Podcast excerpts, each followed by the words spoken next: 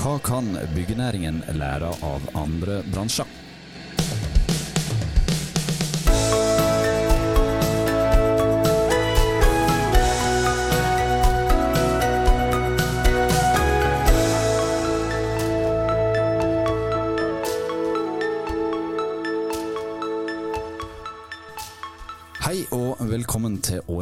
Første utgave av Byggeindustrien.no sin podkast Byggeplassen. Jeg heter Frode Aga og skal lose dere gjennom denne episoden her der vi skal snakke om både næringen vår og andre næringer, og ikke minst hva vi kan lære av dem.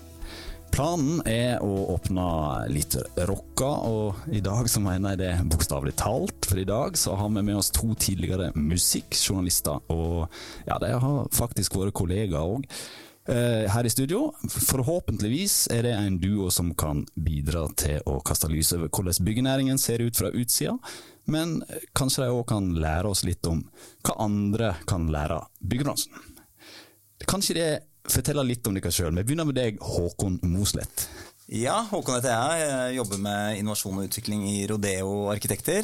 Det har jeg gjort bare noen måneder hele mitt uh, yrkesaktive liv før det, så har jeg jobba i, i, media. Uh, vært uh, en hel haug med år i NRK, og før det så var jeg også flere år i Dagbladet. Har jobba med musikk sammen med Synnøve back in the days, også vært musikksjef i P3. Og så jobba de siste ti årene egentlig med TV-produksjon i, i, NRK. Jobba med serier retta mot et ungt publikum. med både dokumentarserier og dramaserier, der kanskje Skam er det mest kjente, da. Han eh, røpte navnet ditt, fornavnet ditt her, Sven Ove, og etternavnet ditt det er Bakke. Fortell oss litt om deg sjøl. Hei, hyggelig å være her. Ehm, jeg eh, har da også jobbet et halvt voksenliv egentlig i, i mediebransjen. nesten 20 år i Dagbladet. så hadde jeg en litt intermesso i et reklamebyrå før jeg havnet i uforvarende i byggebransjen. jeg er nå PR- og kommunikasjonssjef i Protan og har vært det i de siste fire årene. For de som ikke kjenner Protan, så er jo det en veldig stor takleverandør. Yes, Da er vi på en måte på plass med gjestene. Eh, vi skal snakke om mange ting som er spennende i dag. Vi skal snakke om mediebransjen, og vi skal snakke om musikk. For det har jo vært inne på det, det har jo en bakgrunn som musikkjournalister begge to. Men vi begynner med deg, Håkon. Hva i all verden var det som gjorde at du gikk fra, fra mediebransjen, spennende jobb i NRK, og så havna du i Rodeo Arkitekter? Ja, det er mange som har spurt meg om det, og det er jo Hadde noen sagt det til meg for et par år siden at jeg skulle gjøre et sånt bytte, så ville jeg sagt at det, det nå, nå, kødder du. For det var i utgangspunktet et ganske sånn fjernt bytte. Men det, for min del starta det egentlig med at jeg fra 2016 begynte å studere på BI ved siden av, ved siden av jobben. Uh, og det var bare egentlig når jeg tenkte å gjøre en, en, vinter der. Men så endte det opp med egentlig fem år med en kontinuerlig studie ved siden av, av jobb, med endringsledelse og organisasjonspsykologi osv. Uh, og når du er på sånne steder som på, på BI Executive, da, så treffer du jo folk fra alle mulige bransjer. Og utgangspunktet er media egentlig en ganske sånn arrogant uh, gjeng. Vi tror vi er liksom uh, Vi tror vi er selve navlen. Uh, Alle utenom byggeindustrien.no. Ja, men veldig mange journalister er egentlig ikke så interessert i Hvis du er typisk, hvis du er liksom en gjeng journalister på en, på en, fest, og så er det en som sier han jobber med ja, la oss si byggenæringen, så går det bare en gardin ned, og man er ikke interessert. da. Mm. For det er liksom media som betyr noe. Men jeg kjente på når jeg var kanskje på rette sted i livet, så jeg ble veldig interessert i alle disse menneskene som jobber med alle mulige andre ting. Jeg husker jeg møtte ei dame som jobba med eh, sammenslåing av kommuner nede i Østfold, eller Viken. da. Jeg syns det hørtes vilt interessant ut. Så det var et eller annet sånt skifte. da. Ja. Og så dukka muligheten opp til å komme til Rodeo, og byutvikling er noe jeg er opptatt av. Og et område jeg så at jeg kunne kunne bidra. Da. Og Rodeo som et litt sånn edgy kontor, det var noe som passa meg. Så da, da grep jeg den, den, sjansen. Jeg tror vi sender denne ballen over til deg for å høre hvordan i all verden havna du i Protan? Altså det Håkon beskriver her, er jo egentlig en typisk profesjonell midtlivskrise. For jeg hadde også mine liksom, år på BI øh, omtrent på den tiden Håkon øh, var der. Øh, å komme ut av det da med liksom en, ting er jo at man har med seg en ganske stor bagasje fra fra media, og den er veldig verdifull. Den, for det har vært enorme omstillinger i mediebransjen. Det har vært veldig mye som har skjedd, eh, og man har på en måte eh, det har vært en sånn ekstrem digitalisering på veldig kort tid i den bransjen. og Man har måttet forholde seg til uh, en hel rekke liksom, problemstillinger som knytter seg til digitalisering.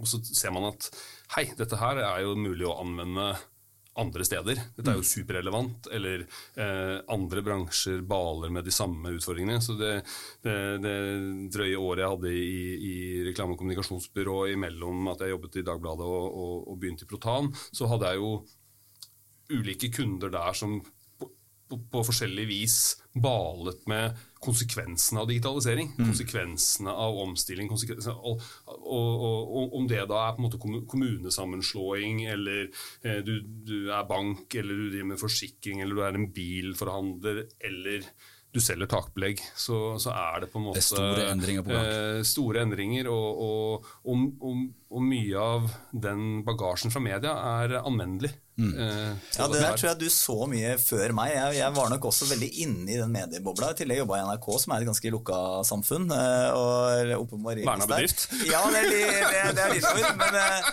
det er et veldig rikt indre liv i NRK, så det er ikke alltid man ser hva som skjer på utsiden. Og det, det er, jeg tenkte nok veldig sånn isolert på at dette var medias utfordringer. Eh, men det, er jo, du har helt rett at medias utfordringer er jo egentlig hele samfunnets utfordringer, og media ble veldig tidlig kasta ut i digitaliseringen.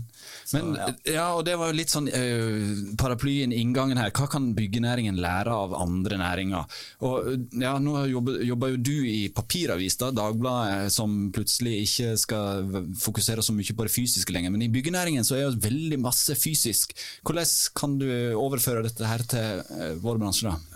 Vi kan se på to ting. Vi kan, vi kan jo både ta mediebransjen og musikkbransjen.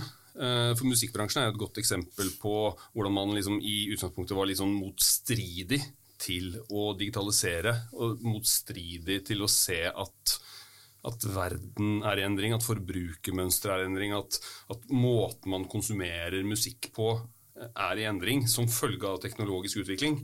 Eh, så, så, du har hele den famøse Napster-saken i sin tid. Og, og, jeg husker både jeg og Håkon var jo musikkanmelder i den tiden hvor de satte på sånne kopisperrer på CD-en. Altså sånne skulle ikke brennes. Skulle for guds skyld liksom ikke kopiere ja, musikk. Det varte jo mange år. Ja, ikke sant? Mm. Og, og, og, den, den liksom mot, motstanden mot teknologisk utvikling, en slags sånn uh, skepsis, da den eh, tror jeg det er fornuftig å legge til side, også for en såpass fysisk bransje som byggebransjen. Fordi at um, eh, eh, altså Byggenæringen da, det er jo en veldig kompleks næring. Det er mange ulike typer aktører i verdikjeden, eller i verdinettverket. Det sitter jo to her nå, eh, f.eks. Arkitekter tenker en gjerne ikke som del av byggebransjen, men Nei, det er jo eh, det er byggenæringen. byggenæringen. Men, men, men det, er, det, er, så mange forskjellige behov, da, og, og disse teknologiske gevinstene, eh, eller gevinsten av digitaliseringen, den oppstår jo ofte imellom disse leddene på ulike måter. Og det å være liksom åpne for at, eh, at, eh, at det er lurt å, å, ta teknologien til hjelp for å gjøre ting smartere, det tror jeg er eh, Det, det kan man i hvert fall lære av, av musikkbransjens liksom, motvillighet mot dette her. Da. Det, det synes jeg var veldig interessant å se i, i NRK. Da, for det er lett at man blir er forelska i de metodene og metodene og plattformene for historiefortelling. da som egentlig NRK holder på med. Og da har man jo hatt på en måte TV som det store flaggskipet, og veldig mange i eh, NRK har vært veldig forelska i det og i TV. Og så, men hvis man bare tenker at det viktigste er at vi forteller historier, enten det er liksom dagens nyheter, øyeblikkets nyheter, eller det er dokumentarer vi bruker lang, lang tid på, så, så er det egentlig likegyldig hvilke plattformer de uh, distribueres på. Det er bare en måte å få historien ut til folk på. Om du sitter rundt leirbål og forteller den historien, eller om det skjer via strømming, det spiller egentlig ingen rolle. Hvis du kommer over den terskelen, da, så blir alt så mye enklere. Og det, det skjedde i NRK tidsnok. da. Jeg jobba i P3 mange år, og der var vi ganske tidlig ute med det. Og, og bare og på det, hva skal si, følge publikums uh, vi, der, vi skal være der publikum er, og helst litt før også. Mm. Og så spredde det seg til hele NRK, og da er du på en måte over eh, Da er du gått gjennom skjærsilden. I min tid i Dagbladet så, så, var vi eh, noen av de første som eksperimenterte med det som vi da kalte tredjepartsdistribusjon. Det var helt uhørt. Da, apropos musikkbransjen også, da, da var Dagbladet en av ganske få medieaktører i verden som var med og fikk en sånn app inni Spotify i desktop-versjon. Dette var liksom før mobil tok av. Eh, da eksperimenterte Spotify med liksom på en måte innholdsberiking av, av, av, sitt produkt, som jo også er en sånn spennende måte å tenke på. Eh, og vi ble invitert inn der sammen med Guardian og Rolling Stone og en del andre sånne ganske tunge aktører. Og vi lagde da en app eh, hvor vi distribuerte musikkanmeldelsene mm. inne hos Spotify. Det var helt uhørt den gangen enorm skepsis internt, eh, og for så vidt eksternt, men vi, da vi en, vant vi en sånn innovasjonspris på medieprisen etterpå. Og siden det så er jo ikke det eh, Det er en ganske naturlig ting for mediene nå å, å, å spre seg på mm. ulike plattformer. De må møte lyttere og lesere der. Og Det gjelder sikkert denne podkasten òg. Hører man den på Spotify? Hører man den via Apple? Ja. Hører man, hvor, hvor, hører man den? Jo, sikkert hvor som helst. Ja, vi har akkurat skifta uh, eh, første episode av denne her uh, Byggeplassen-podkasten vår nå, som går på Acast. Så vi har gjort et dere skifte her nå. Dere må komme dere på podtoppen, Frode. Nettopp. Det er derfor vi har kommet til på Acast. Ja. Yes, bra. Så nå har vi skifta plattform, så da fikk dere vite det. Nydelig. Men eh, Håkon, du var eh, Var det i april du skifta Nei, det var i august, faktisk. Det var i august. Ja. Mm. Men eh, hva er inntrykket ditt da etter fire-fem måneder i denne bransjen her?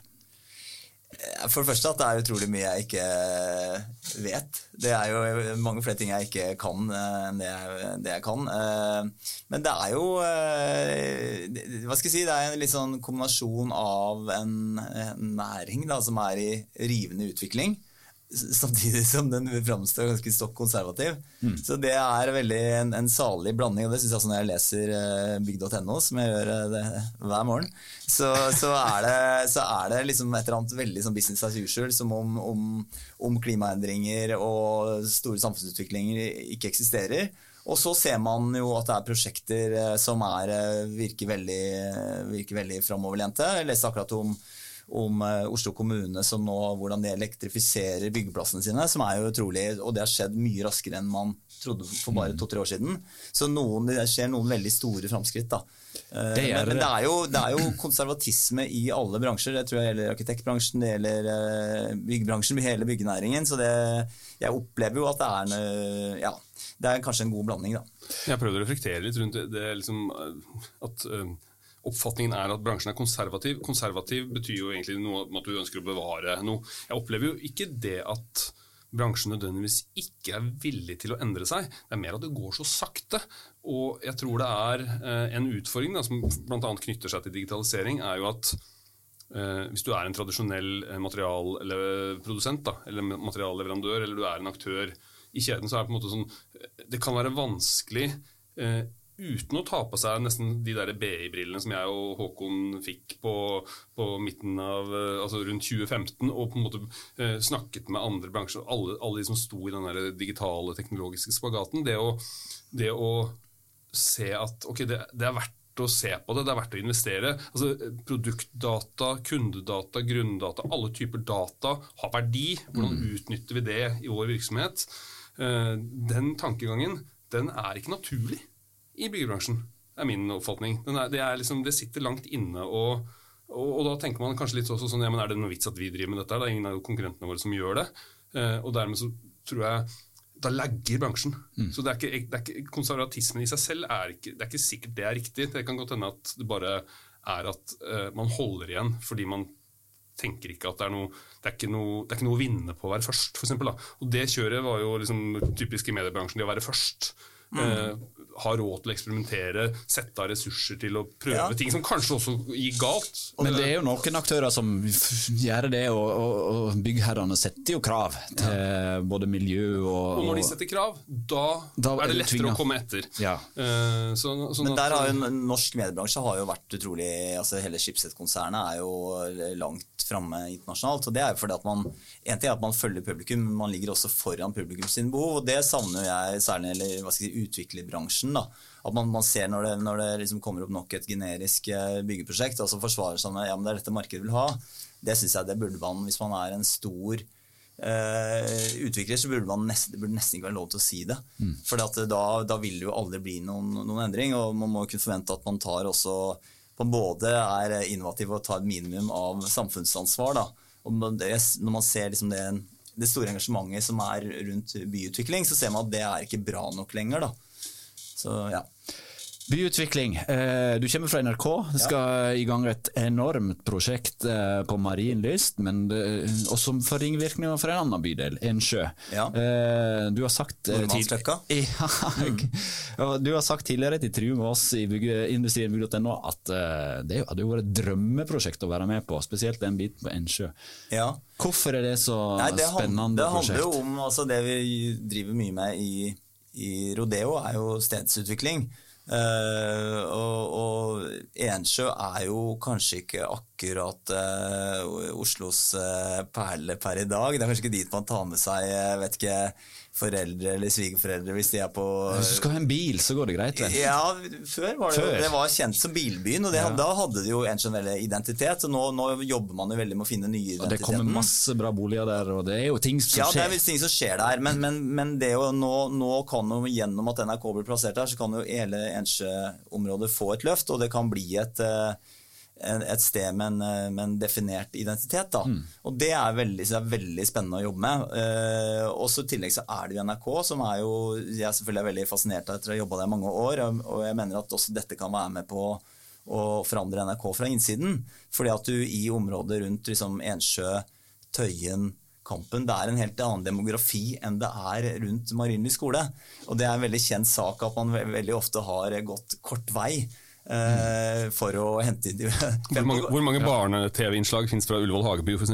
Ja, eller fra enda nærmere Marienlyst. Så det, er, eh, det, har noe å si. Så jeg, jeg, tror at dette vil endre NRK om man vil se en, se en forskjell. Jeg tror uh, jeg tror Dagsrevyen om ti år vil se annerledes ut. Fordi ja. at, Hvis det finnes Dagsrevyen om ti år. Ja, fordi at NRK kommer på Det er en dimensjon dette her også. Det er vel litt sånn, kanskje det er sånn lokalitetene på Marienlyst som har vært de de har vært, og man har ja. plassert avdelingene på en måte, Det har kanskje sementert noen sånn silotankegang. da, Hvis man liksom flytter inn i et nytt bygg hvor det er eh, flate terskler og, og ja, altså, lende, og man, Det er litt mye lettere å blande man, seg. da. Man har jo tulla med det at man kunne ta en avdeling i NRK og så plassere den et eller annet sted nede i Majorstukrysset, og den ville klart seg helt fint. Fordi at man har vært Eh, fasilitert med alt. da.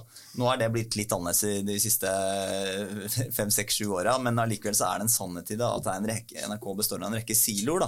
Så det å få det på ett gulv eller to gulv eller tre gulv, det vil, det vil forandre veldig. da. Så, så det, og det kjenner jeg at jeg brenner for, at man, NRK har en historisk mulighet. Eh, til å, til å, gå inn i framtida og bli en, fornye seg, rett og slett. da.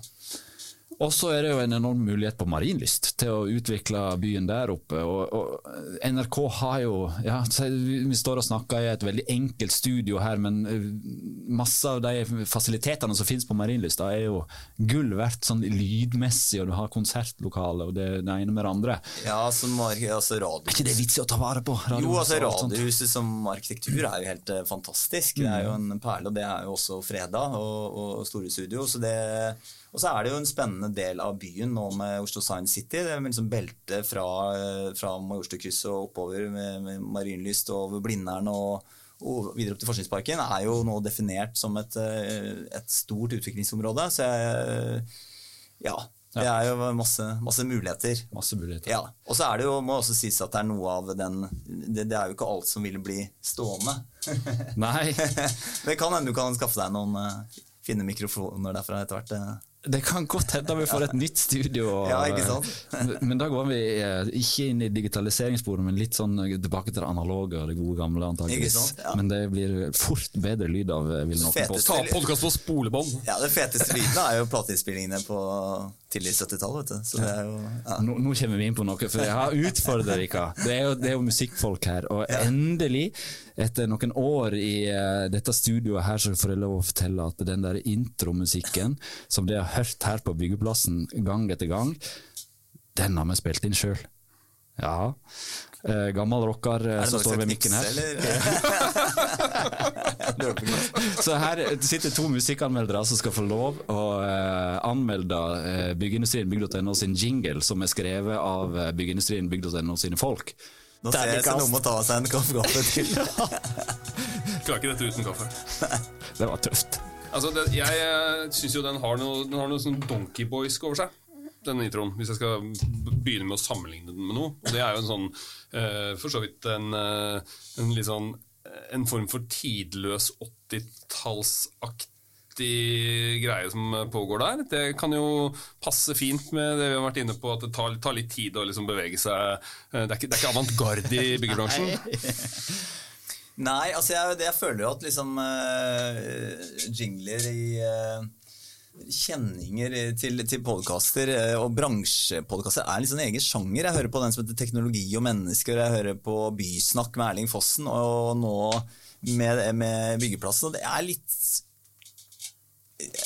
det er litt generisk. Altså, det er litt som en del Oi. byggeprosjekter rundt i byen her. Som funkisblokker som ja, fins eh, i Kongsvinger og på Ringsaker. Ja, ikke sant? eller de som er satt opp nå i 2021. Og, altså, jeg syns vi skal kanskje jobbe litt mer for å gjøre den litt mer, enda mer særegen. Og, og det kan låte litt fetere. Det låter litt spinkelt. Ja, ja, altså, du er jo gammel musiker. Ja. Prøvde jo eh, å bli anmeldt i Dagbladet i sin tid, men jeg er veldig, veldig glad, kjenner jeg nå. Lykkes ikke. nei, nei, nei. For at ikke vi gikk for den. Men dette her var en perfekt bru over til, til å snakke litt om, om, folk og eh, fe holdt jeg på å si, i, eh, i eh, byggebransjen, som har en slags link da, til, til musikknæringen. Visste dere at Bjøro Haaland var anleggsmaskinselger i sin tid? Jeg har ikke tenkt så mye over det, egentlig. Men, men, det er samtidig han som kontraartist. Det er jo en litt sånn ærverdig yrke. Veldig mange kontraartister som har en bakgrunn fra den type ting. Snekkere Det er ekte. Det er ekte. Det er, det er, ekte. Det er uh, autentisk korrekt. Ja, ja, ja, men han var faktisk òg snekker i sin tid i, i, i USA på begynnelsen av 1960-tallet og var med på å bygge skyskrapere i New York. så det finnes uh, tøffinger i, i, byggebransjen og musikkbransjen. En annen fyr som jeg leste litt om, uh, Steve Harris fra Iron Maiden, har studert teknisk tegning. Uh, du verden. Og så har jo Kanskje dere vet at Pink Floyd traff hverandre på et studium en gang i tiden. Arkitektstudium. Nei. Roger Waters og ja et par av de to, to, to av Som noen kunstskoleband, men det er mer spesifikt. Det er ikke så langt fra kunstskole til Arkitekthøgskolen, det, det kan jo være en løpende overgang. Vi begynner å nærme oss veldig. Og så har du John Deacon som er fra Queen, som eh, har bakgrunn som elektroingeniør, og han skal visstnok ha bygd massevis av greier til bandet i, i sin tid. Eh, men, og Ice Cube, arkitektstudent. Den er litt overraskende. Den er overraskende. Dette, er, dette har ikke noe med musikk å gjøre, men det er bare liksom fersk uh, fun fact. Jeg så Joan Didion døde for ikke så lenge siden, amerikansk uh, forfatter. Og i, i, dokumentarprogrammet med henne så er det en sekvens med Harrison Ford hvor han forteller om det, han snekret bokhyller hjemme hos Joan Didion. Oi. Så det er, det er, mange med denne bakgrunnen. Altså. Det er det. Og da har jeg, før vi eh, satte oss i studio her, eh, så utfordrer jeg dere to på, og, på, et par spørsmål om eh, musikk og byggebransjen. og Høre om de har tenkt litt. da. Hva er den beste byggelåten? Altså, ja, altså jeg kan ta, fordi jeg er sånn intuitiv person på noen områder. Og jeg tenkte, var, jeg gikk rett til Starship, altså. Built This City. Ja, du gjorde det. Og det er, det er, en låt jeg ikke hadde hørt på mange mange år. Eh, fra 1986 eller noe sånt nå. Eh, jeg tror kanskje Senove liker mer eh, Jefferson Airplane og Jefferson Starship bedre enn akkurat Starship. Men uh, dette er jo den kommersielle perioden deres til Grace Lick. og den, jeg måtte sjekke teksten. da, Det er jo egentlig litt relevant tekst, for det synger liksom at det er den corporate world som, som, som styrer byen. Men vi vil jo bare danse og ha det gøy. Det er jo et bra budskap til, eh, til, både, til hele byggenæringen. At det, er, det, skal være gode byer å, å leve i og mm. bo i. Det er det som er det aller viktigste. Ikke at det, skal det handler ikke bare om transaksjoner. Deilig med en by som er bygd av rock'n'roll òg, da. Yes. yes. Jeg har litt sånn ekstra takfokus jeg da, siden jeg kommer fra Plotan. Uh, og, og, og veldig, veldig, mange sanger som handler om, om tak, da, om roof. Det handler jo veldig om, om, The roof is on fire, den du skal snakke om nå? Ja, Den kan vi også for så vidt snakke om. Men, men eksempel Up on the Roof, da, som, som er på en måte, blir, blir en metafor for å komme seg opp ut av, trange, ut av trange kår eller ut av en trang hverdag. Ut, ut, av liksom det å få utsyn over verden og ta verden inn. Så, så, det er også viktig eh, ting i, i byutvikling. Og så er det en annen sang som Apropos at Bjøre Haaland var med å bygge skyskrapere i, i New York, så er en amerikansk uh, artist og låtskriver som heter John Hartford, som har skrevet en helt fantastisk vakker sang som heter In Tall Buildings. Mm. som handler om, Den handler egentlig om fremmedgjøring uh, i å måtte pendle fra bygda og inn til byen for å jobbe på kontor. Men, uh, men det er en veldig sånn, poetisk og vakker sang som, som, igjen, da Hvis det er litt kvalitet over lokalene han jobber i, så skulle han ikke trenge å ha den følelsen han ville kunne få noe av den derre åpne landskapene fra bygda. Don, Don, Don Henley hadde vel en soloskive som het uh, 'Building the Perfect Beast'. Jeg vet ikke om det er Obos eller Nå er ikke Daniel sier de her for tilsvarsrett, så jeg tror vi stopper det. Min eh, låt eh, der, eh, hvis jeg skulle få lov å yppe meg frampå med så Når du sa dette her med tall buildings, så si Perfect Blue Buildings med Counting Crows, er det, som er sånn der ja, ja. Den hadde jeg ikke tenkt på på lenge. Men, men, nå må jeg lese teksten etterpå for å høre om det i tatt har noe med bygninga å gjøre. Det er alltid en metafor ute og går. Hva slags plater hadde stått seg best som byggverk uten å måtte pusses opp? Altså, jeg kjente Du brifa oss jo litt på dette på forhånd. Jeg er nok sterkt prega av at uh, min romjul besto av å dykke ned i Beatles. Mm. Altså Med den fantastiske Get Back-dokumentaren og også den uh, Rick Rubin sin intervju ser med Paul McCartney. Så det er jo helt um, der er det jo en grundig restaurering da, som er, ligger til grunnlag for den, eh, den Get Back-dokumentaren. Men liksom, hvordan Beatles sine innspillinger har holdt seg, er, og låtskriverkunsten er jo helt eh, Det er et håndverk der som er helt vanvittig, både på innspillingssiden og låtskriversiden. Og kanskje eksemplifisert med Abbey Road, da, som er det siste skiva. Og så er det jo hvilken, Hva er det som kunne trenge en rehabilitering eller en oppussing? Det er jo Let it be. Det har jo på en måte Beatles aldri blitt ferdig med. Det, nå De har pussa den opp et par ganger også. Ja, ja, nå er det jo en 2021-miks ute, som er vel den Paul McCartney nå kanskje endelig er fornøyd med. Da. Så det er jo, ja. Så der ligger rehab-prosjektet? Ja, der ligger yes. rehab-prosjektet. Du da, Svein Ove? Ja, altså, jeg, jeg Harald Are Lund, da, som var en uh, fantastisk musikkpersonlighet og kollega av uh, Håkon i NRK, han sa at all, all, all, alle tidsepoker har fantastisk musikk.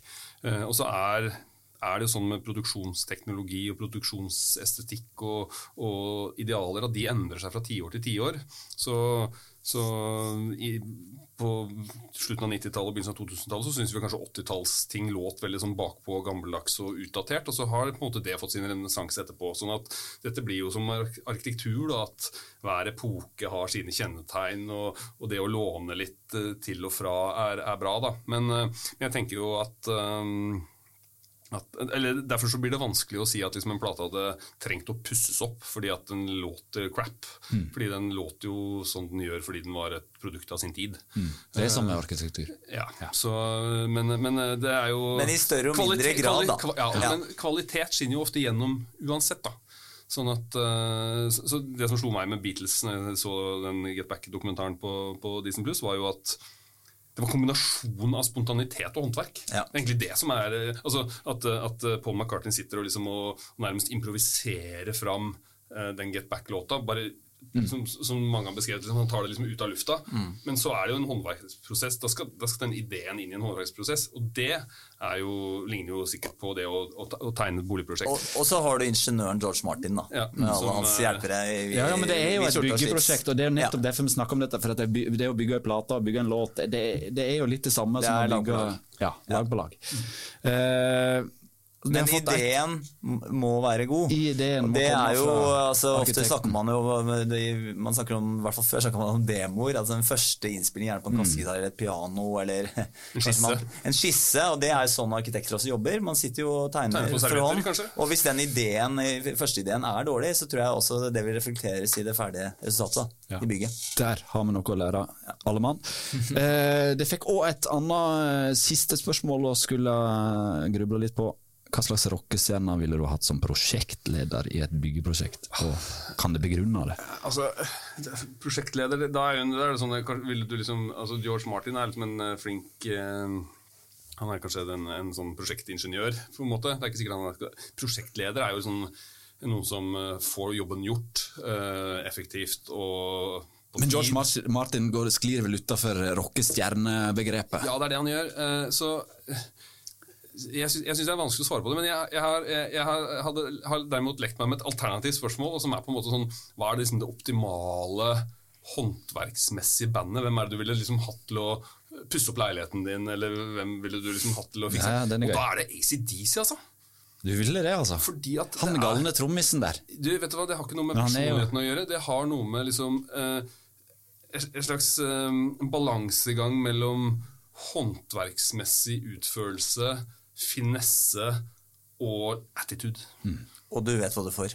Og du vet hva du får. Det er ja, ja, ja, ja. De, vet, de vet hvor de kommer fra, og de vet hvor de skal. Ja, og de vet hva, hvilke materialer de er best på å jobbe med. Ja. Og da snakker vi om Brian Johnson, ikke Bon Scott-tiden, kanskje. Selv om Bon Scott-tiden Ja, er nei, Jeg går for Bon Scott, ass. Ja, nei, det er eh, altså han nye er vokalisten.